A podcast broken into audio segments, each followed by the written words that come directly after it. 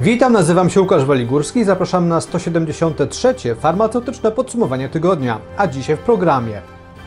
Projekt ustawy pionizacyjnej w konsultacjach publicznych. Kontrowersyjne opłaty coroczne na inspekcję farmaceutyczną. Nowe i kosztowne warunki prowadzenia apteki. Moderna otwiera swoje biuro w Warszawie.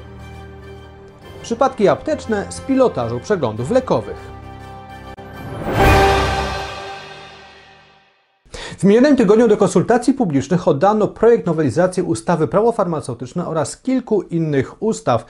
Ten projekt nosi nazwę, potoczną nazwę ustawy pionizacyjnej, dlatego że projekt ten zakłada przede wszystkim zmianę struktury Państwowej Inspekcji Farmaceutycznej. Aktualnie wojewódzcy inspektorzy farmaceutyczni, których w Polsce jest 16, podlegają wojewodom, natomiast główny inspektor farmaceutyczny jest dla nich przede wszystkim organem odwoławczym.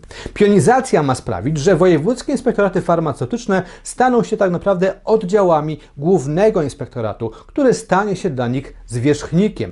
Ustawa przewiduje też, że główny inspektor farmaceutyczny obejmie nadzór nad kontrolą laboratoriów diagnostycznych. Na temat tego projektu w portalu mgr.farm w minionym tygodniu pojawiło się kilka publikacji. Serdecznie zachęcam do ich lektury, dlatego że opisują one poszczególne aspekty zmian, jakie wprowadza ten mm, projekt ustawy pionizacyjnej. Jednocześnie zachęcam też do obejrzenia ostatniego odcinka programu Kwadrans z farmacją, w którym rozmawiam z Ewą Krajewską, z głównym inspektorem farmaceutycznym. Ten odcinek został nagrany jeszcze przed publikacją tego projektu, ale o tym projekcie tym programie rozmawiamy. Między innymi tam można usłyszeć, jakie argumenty za poszczególnymi zmianami przedstawia inspekcja farmaceutyczna.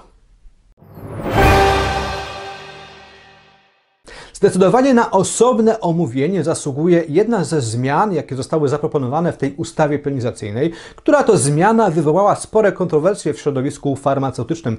Chodzi oczywiście o propozycję wprowadzenia tzw. Tak opłat corocznych, opłat dla podmiotów działających na rynku farmaceutycznym, na rynku aptecznym, które wymagają odpowiednich zezwoleń wpisów do e, rejestrów. Pieniądze z tych opłat miałyby być przeznaczane na funkcjonowanie inspekcji farmaceutycznej. W przypadku punktu punktów aptecznych taka opłata podstawowa roczna wynosiłaby 250 zł. Dla apteki byłoby to 500 zł, a dla hurtowni 1000 zł. Do tej podstawowej opłaty byłaby doliczana kwota 0,02% przychodu rocznego uzyskanego w poprzednim roku podatkowym przez dany podmiot. Z tego powiększenia podstawowej opłaty byliby zwolnieni mikroprzedsiębiorcy. Oni płaciliby jako stałą kwotę właśnie tę kwotę podstawową. Ta informacja, ta propozycja wprowadzenia corocznych opłat wywołała sporo kontrowersji wśród farmaceutów. Między innymi w mediach społecznościowych piszą oni otwarcie o tym, że jest to skandal, że jest to haracz, który zostaje narzucony na podmioty z rynku aptecznego, rynku farmaceutycznego mm, przez inspekcję farmaceutyczną, szczególnie w tych trudnych czasach, kiedy wiele tego typu placówek, wiele aptek boryka się z problemem malejącej rentowności. Natomiast główny inspektor farmaceutyczny w uzasadnieniu ustawy przekonuje, że takie rozwiązanie funkcjonuje też w innych krajach i wskazuje na Wielką Brytanię, Irlandię, Bułgarię, Chorwację, Danię, Łotwę, Finlandię i Belgię, gdzie tego typu opłaty istnieją, a zbierane w ten sposób środki są przekazywane na funkcjonowanie organów kontrolujących ten rynek. Prezes Naczelnej Rady Aptekarskiej zwołała specjalne posiedzenie Prezydium Naczelnej Rady Aptekarskiej, która ma zająć się wypracowaniem stanowiska samorządu aptekarskiego, samorządu zawodu farmaceuty właśnie w związku z tym projektem nowelizacji prawa farmaceutycznego. Równo wiele emocji, co wspomniana przed chwilą opłata roczna, wzbudziło także skierowanie do publikacji w Dzienniku Ustaw nowej wersji rozporządzenia w sprawie warunków prowadzenia apteki. W tym rozporządzeniu e, znalazły się bowiem nowe przepisy dotyczące sposobu monitorowania w aptekach temperatury oraz wilgotności. Do tej pory aktualnie ta wilgotność i temperatura są monitorowane poprzez po prostu zapisywanie przez pracowników aptek tych parametrów i ich monitorowanie. Natomiast rozporządzenie wprowadza obowiązek zainstalowania w aptekach systemów, które będą automatycznie monitorowały, rejestrowały oraz powiadamiały w przypadku przekroczenia tych parametrów. Tego typu urządzenia miałyby się znaleźć we wszystkich pomieszczeniach apteki, w których są przechowywane lub wykonywane leki lub surowce e, farmaceutyczne. Temperatura będzie musiała być też monitorowana wewnątrz aptecznych lodówek. Zgodnie z treścią rozporządzenia, apteki będą miały 12 miesięcy na dostosowanie się sprzętowe do nowego rozporządzenia, a więc na zakup wszystkich tych urządzeń, które będą niezbędne do monitorowania tych dwóch parametrów w aptekach. Koszt zakupu tych mm, urządzeń oraz dostosowania aptek do nowych wymogów oczywiście będą musieli ponosić właściciele tych aptek i między innymi dlatego mm, ten projekt, to rozporządzenie wzbudziło tyle kontrowersji i tyle emocji, dlatego że jest to kolejna opłata, kolejny wydatek dla właścicieli aptek w sytuacji i w czasach, kiedy borykają się oni z poważnymi problemami z rentownością funkcjonowania tego typu e, działalności. Więcej na ten temat oczywiście można przeczytać w portalu mgr.farm. Zachęcam do lektury artykułów na ten temat. W minionym tygodniu w Warszawie miało miejsce oficjalne otwarcie oddziału firmy Moderna w Polsce.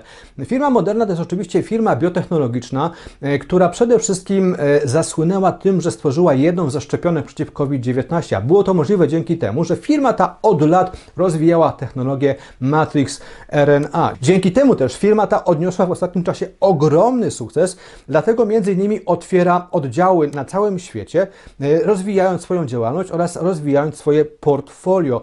Oddział, który został w minionym tygodniu otwarty w Warszawie, będzie największym tego typu oddziałem firmy w tej części świata. Na uroczystości otwarcia tego oddziału obecny był sam prezes firmy Stefan Bansel. Wśród gości znaleźli się także ambasador USA Mark Brzeziński oraz Waldemar Buda, minister rozwoju i technologii.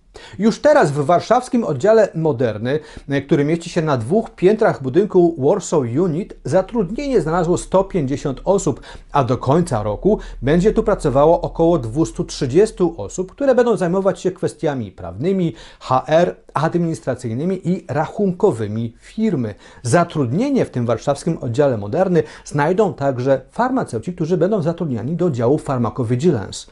Dyrektorem tego warszawskiego oddziału Moderny jest Łukasz Wielochowski, natomiast na tej uroczystości oficjalnego otwarcia tego oddziału była obecna także redakcja portalu mgr.farm, a efekty naszej obecności w tym miejscu i na tym wydarzeniu już wkrótce będzie można obejrzeć i posłuchać lub poczytać w portalu i magazynie mgr.farm. Już teraz serdecznie zachęcam do lektury tych materiałów.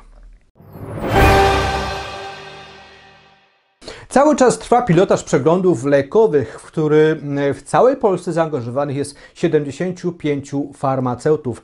O tym, z jakimi wyzwaniami się oni spotykają i z jakimi przypadkami pacjentów muszą się mierzyć, będzie się można przekonać dzięki specjalnej stronie, która powstała całkiem niedawno. Strona ta nosi adres przypadki-apteczne.pl i będą się na tej stronie pojawiały specjalne webinary.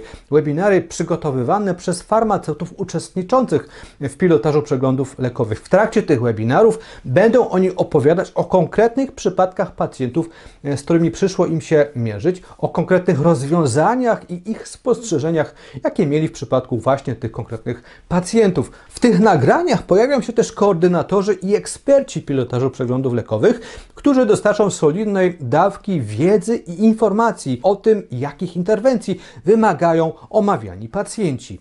Przypominam, adres tej strony to przypadki apteczne.pl. Serdecznie zachęcamy jako redakcja mgr.farm do śledzenia tej witryny.